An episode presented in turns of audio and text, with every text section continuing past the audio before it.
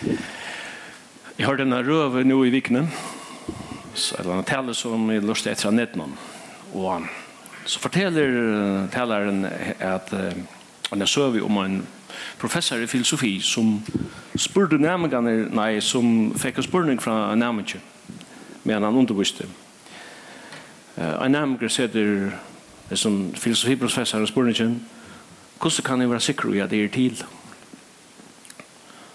professoren hoksar seg om han har løtt så sier han igjen hvordan kan jeg være sikker i at jeg har sett med hans borne Menneskene har fra tøyere når måten dreies vi av en borning hvor er jeg til? Men det er ikke nek som har vassa så lengt ut i filosofiske spekulasjoner som han spyrir seg om i er til.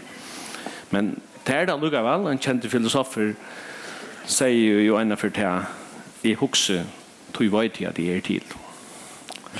Gjøkken det siste 20-30 årene så har det utviklet seg i Vesterheim noen, en, en, en spiritualitet i menneskene så vi ofte definerer på tammadan at man tror at menneska djupt, djupt, djupt i menneskene finnes det en, en tjattna en eller annen udefinerbar spirituell chatna som ropar ut att nej råp kan man säga och landet efter att få ett attersvär en långsel en en hunger efter en eller kommunikation och spiritualitet är så definierar av om hur man kan finna finna sambanden hur man kan connecta vid det spirituella utan att dreja religiösa dogmer in och absoluta sannlökar. Alltså att nå fram till en hackre bevussthet, eller en, en gåa antaliga känslor och you name it. Hade här vi tog chatten i människan som råbar ut efter en svär en långsel det kan det gott ta under vid till att trick vi ösni att bibeln lärer det ständer den sen skriva at Gud har lagt amaløykan nir og i brøsti av hver øyneste menneske ønsken fær romne undan tog. Men spørningen er hvordan man fær svær på hans spørning. Trobeløsene akkurat tog til det at spiritualiteter eller religiøsiteter er ofta bliven uh, bliven av slag av en av marknader var, det var marknader størst og ikke størst ut fra absolutum kriterium Men man kan skal forklare at jeg synes ikke at jeg mener vi. Nicky Gumbel, Anchmauren, hei en för en fyrlester, og han sier vi falskjene som lortet etter honom. Jeg be at jeg kan gjøre meg en beina, for jeg på en spurning, og skrivlige, og sverre helt stått. Spurningen var, are you a Christian? Og så skulle de svära på spurningen, og i stått og nåren. Hette nøkra sverre som han fikk, og han sier, ja, jeg er, jeg er åtsle av kristne. Men annars sier, Jeg er ikke helt sikker ut i. Og han sier, jeg er det her, og jeg. Han sier, ja, jeg er det her, og allugavel, da jeg jo ikke atra mot egna løy, så er det kanskje allugavel ikke. Og han sier, jeg er 50-50 prosent. Jeg har hatt takk handan spurningen, er du en kristen, og Og tar han og flytter han til veks og sitter en annan spurning inn i steg fire og sier, er du gifter? Og prøva at takke til samme sværen og sette det inn. Er du gifter? Ja, et slag. Ikke hatt viser Jeg er det helst. Ja, og allugavel, tar jeg noe ikke atra på en egna løs, så er det ganske ikke. Eller halvtrøys prosent. Hvor løsner vi dette den første sværen om, og i rammast alvara åttan at trekker på smulemann, til meg, jeg vet hva flenne at du sørste. Sverige er øyelig anfalt, det tog, jeg, men det kommer til å være en spørning av å være gifter, da har vi en grunnleggende absolutta fætene av hva du er for nækka. Medan det kommer til hinsporningen er som kristen, da har vi en ekstremt subjektiva eller relativa fætene av tingene som kan variera fra person til person. Jeg var gifter forbindet vid vi en egen normer, et lover og et rituale. Det er mennesker som sier ja, det er underskrifter, vittner, og så vil det kvittere vi en mukslebrav. Då kan man svära ja eller nej. Men det är inte något han är en kristen är lika så väl byggt av ett absolut grundalega som det är över en tjona. Man kan ikke spyrja, er du føtter og sier ja eller nei? Det er bare kristen mersker i verleggen og grunnleggen jo vet, til å være føtter av god, til å være føtter av andan. Og annakvart er du føtter, eller er du avføtter. Det er ikke en spurninger om, om kjensler, eller sier øtsle, eller er ikke helt viser i det, og så har vi Det sier det her, så er det ikke tog at jeg mener til at det tjoner brand ikke inkluderer tjenester, det skal det så sannelig av vanene gjør at det ikke heller vel til. Men eksistensen av det betyr ikke tjenester, men det betyr et fakta, og et absolutt fakta. Så ser det også vi til å være en nødgjørskapning i Kristus, det betyr først og fremst et fakta, men det kan inkludere en, en rikve av tjenester. Marknader vi skifter ofte en stor del av hva folk vil hava, en handel kjøper til rørheim som folk blir om, Og så er det også vi spiritualiteten om i det. Og han spytter av i akkurat alle fætene av hva det er å være, hva det også er å være en kristen. Jeg hørte en sending ut av noen for noen år, så han, han snur seg om evne er, er kyrkjan for omoderne, og fyllt jo noe vel vi tog inn, altså hans for å være talen om folkekirkjan, og så ringte folk inn, og det var imenska meninger kom fram, og det var mye avhåverst og lustighet. Så var det en som sier til ham, at oppgaven til kyrkjene er ikke, at oppgaven til kyrkjene er at gjøre folk det som det blir om. Og jeg tenkte, det var avhverst. Og jeg kunne ikke være mer avsamt. For just oppgaven er ikke å gjøre folk det som de blir om, det er noe helt annet. Oppgaven om det er frukyrkja eller statskyrkja er ikke å gjøre folk det som det blir om, men å gjøre folk det som det har bruk for. Hvis jeg har bruk for noen nødvendig jakka eller noen bukson, ja, men så færre man i handelen og kjøper dem. Og avgjøren som jeg tar er ikke bygd ut fra en sannlagskriterium, men til noe som pryser og møter og smak, og kanskje også noe kona sier. Sånne kriterier taljer vi, men det betyr ikke en, en absolutt standardskriterium. Men følg ut avtilpass og fært laknan inn i konstellasjonslokalet. Du kan ha se en ekva kjensle for på ut i. Men det aller viktigaste, aller viktigaste som takk skal komma fram til samløyken. Så en fyrirtreid for å kunne gjøre en fornuftig vitsjer er til at du kan stilla en ratta diagnos. Jesus kom ikke inn i hendan heimen for å gjøre menneskjon en gaua spirituella religiøsa kjensle. Han kom ikke inn i hendan heim for å gjøre ønd mennesker gå Men han kom inn i denne Hendenheim for å gjøre de mennesker levende. Og han kom først og fremst ved samlagene. Hvis du leser Nødja Testament, så sier du atter og atter hvordan Nødja Testament understryker tøtningen av samlagene. Det stender at loven var givet med Moses, men nøyen og samlagen er kommet ved Jesus Kristus så les stendt skriva. Telsia, vi firhalt okken til absolutt ting. Og her bryter evangeliet og den kristna tryggingen om sida radikalt fra til nøyron, religion. Og Johannes evangelium kapittel 2 leser vi om at medan han var i Jerusalem, altså Jesus var i Jerusalem, om påskene og høgtøyene, tro mange av navn hans herre, Da er det så uttegjent hans her, som han gjør det. Men Jesus selv løyde seg ikke tiltøyre, for han kjente jo alt, og tog han nyttes ikke at nækker skulle vittne om menneskene. Han visste selv hva i menneskene var. Og i middelen fariserene var med over at Nicodemus var en rar i jødene. Han kom til Jesus han mått og sier vi han, Rabbi, vi vet at du er lærere kom fra gode, til ønsken kan gjøre resultaten som du gjør, og han gode vi hånden. Jesus sverre i hånden, sannelig ja, sannelig jeg sier til her, vi er ikke fatter av nødgjøn kan han ikke søtja røyke gods. Selv at Johannes evangeliet leder ofte han Jesus setninger byrja vi i hessen åren sannelig. sannelige. Akkurat vi stender sannelig øyne for, men nægge for kan så lese at, at året sannelig er brukt tverfyr. Hvor stender sannelig, sannelig? Det er det som nå er sagt, og kommer at han Det skal understrykast framan undan at det som nu kommer at han er sannløyt. Han sier, vi er ikke fatter av nødgjøn, kan han ikke søtja rujtje gods.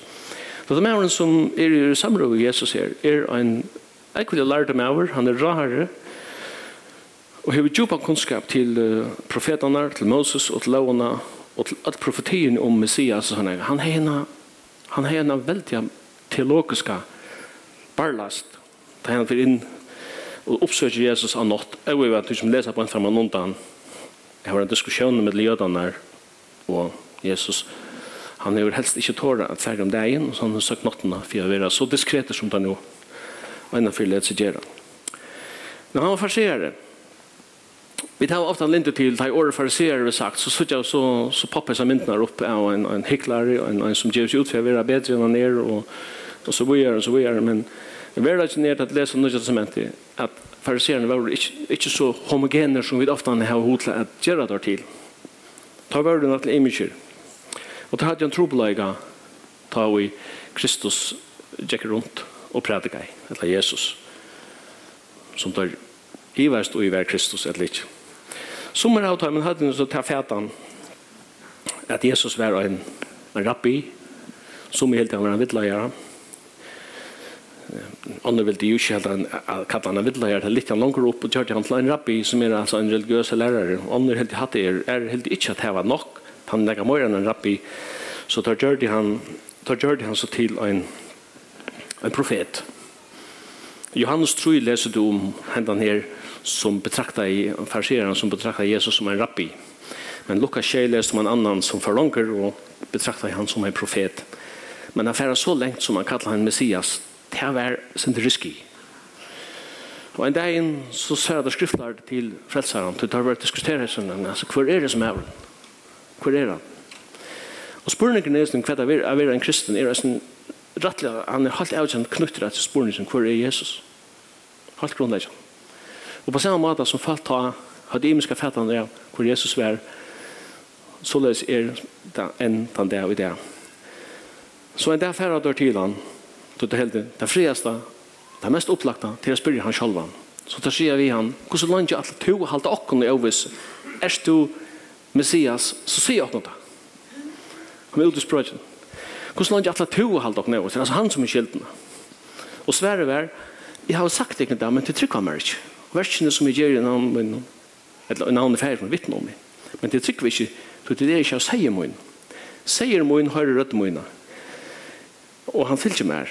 Jeg gjev henne av et liv, og han skal aldri fortapast, og ønsken skal ryve han ur hånd min. Så la jeg sige, frelseren. Men han kom for at jeg kan om seg sjalva, tar avvis handløyga han om god, men så samløyga øyne for at jeg kan samløyga om okken sjalva. Jeg var anket og i helt betraktet det her som et av innenfor økonomi tog som man om, om mikro og makro. Ta, ta større sannlagene og ta, som man sier, og ta, ta lytla. Ta minne verden han lever i. Så jeg ser det øyne vi, vi tar man uh, troer sporene kom. Ta vi lesa Johannes evangelium 1. kapitel vers 8 og stender, og i opphavet var året, og året var så god, og året var god. Ta, ta er vi ute i makro teologien kan man säga. Si. Det tar den store sannleggen. Men det er stendig at året var holdt og tog byggmiddelen okkara, fotler av nøye sannleggen, da er det kommet inn i okkara mikrover. Og vi skulle kjenne sannleggen bare om, om makro og mikro. Det sannleggen er det viktigaste.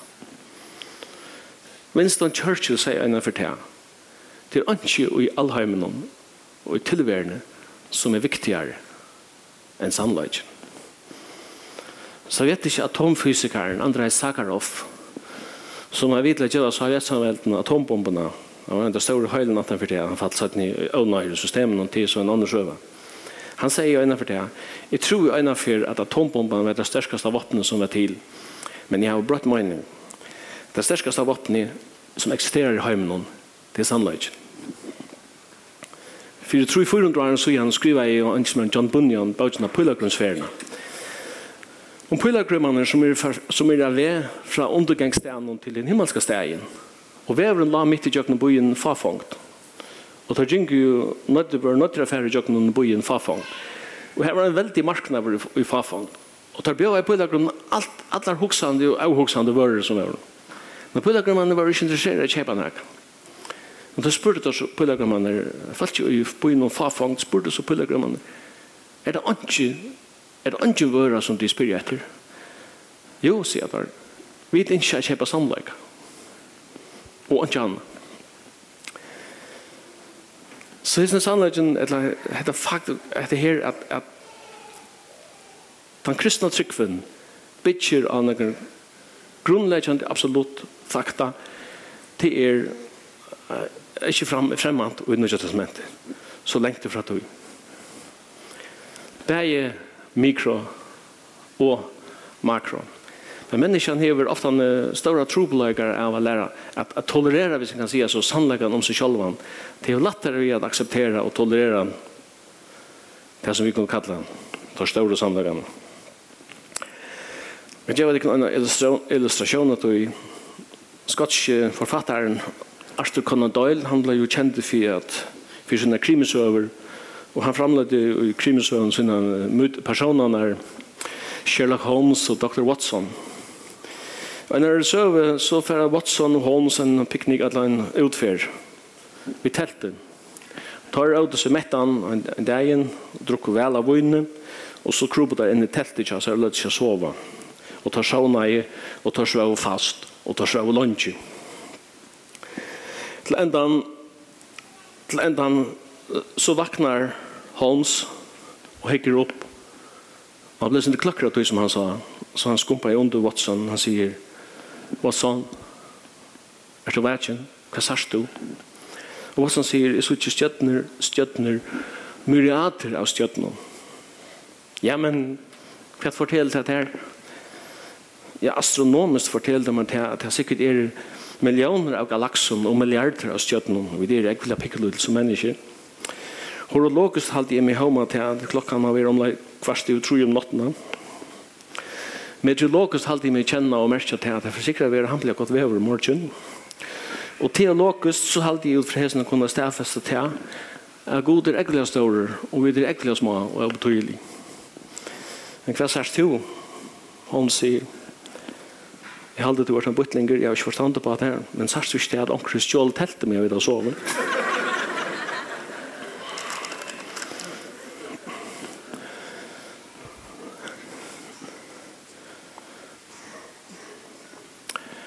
Kristus kom for å åpenbære oss tar større sannløkene, men han kom også for å åpenbære oss tar sannløkene som her i okkara mikrover gjerne.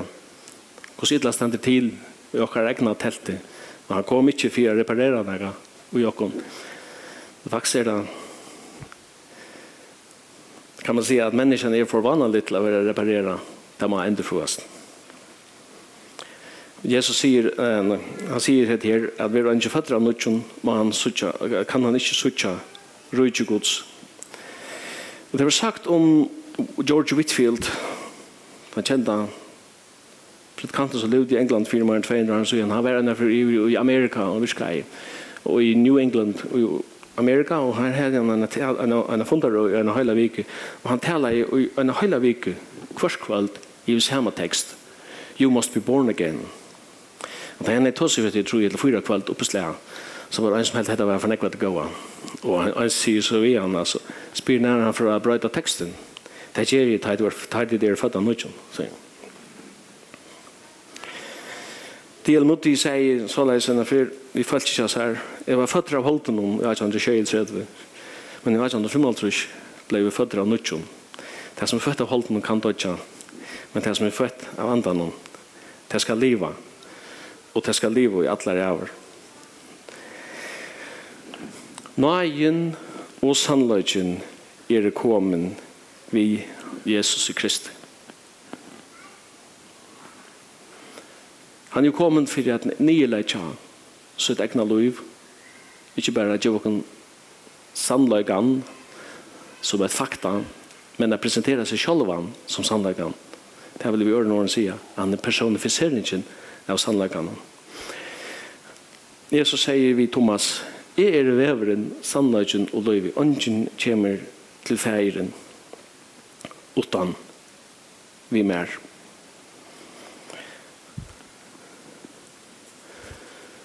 Og i Lukas 13 leser vi disse årene. Og han sier vi han, Herre, må du teiver av faen som vi har frelst. En gav hosbornikker. Mån det var fas som var frelst. Da sier han vitt hei, strøyest fire å komme innom i trånga postru. Då i sidikon at mange skulle røyna komme inn og ikke kunna. For at har stånd husbønden her røst og stånd dittna, om du tar fra stånd utanfyr og benk oppa og sier, herre, leda kon opp, da skal han svære at ikon, jeg kjenner ikon ikke kvendt i dere. Altså, strøyest vi å komme innom i trånga postru. det er ikke spurning om man strøyest etter å få en spirituella kjensli, men jeg fer innom det trånga postrum. Så sier han bøyere, ta skulle til sida ved meg, vi er auto og trukko for egen tøynen, og til å lære til å gå gøtene okkara. Her er absolutt talan om folk som var spirituell, jeg kan kalla det, på den mannen. Vi er auto og trukko for egen tøynen, og til å lære til å gå gøtene okkara. Det kan være at, at det ligger i hans åren. Vi hadde jo en religiøse kjensle Vi var ångt i å møte eller ringe til godstjeneste. Men Sverige er, jeg har ångt i kjent ikke. Og hva er det egentlig jeg hva er det egentlig trobladsen 18 fyrir her? Det som stender i Peters Brown. Her stender tid som enderfødt er, ikke av forgangelig seg, men av forgangelig. Vi åregods, åregods, det som lever og det som vær. Og la meg så til sørst. Vi nevnte George Whitfield i han. Han sier øyne ofte han i falsk. Han sier, hvor er det så er? Kom til Jesus. Og så sier han, så leier han at han, kom akkurat som du er. Da vil vi brøyde at pinta nekka som helst opp av det sjølva. Du, du blir ikke bedre med oss enn. Kom just as you are, sier han. Kom akkurat som du er til Jesus. Han var kjent til fire å bruke hessa hessa hessa orðin hessa hessa frasana kom akkurat som du er. Du er avans her, for vi strujas vi, også hva er hver jeg vil ha, til ønsken som skiler okkon bedre enn Jesus. Og til det eneste som kan gjøre okkon et svær, det større løsens spørsmål, han sa hva det er. Og til hånden løy vi å finne, det her er endeføringen er å finne, det her er gleden er å finne, og det her er fremtiden er å finne, og det her er vånen er å finne. Ønsken skiler til som Jesus. Takk for Herrens sikning. Takk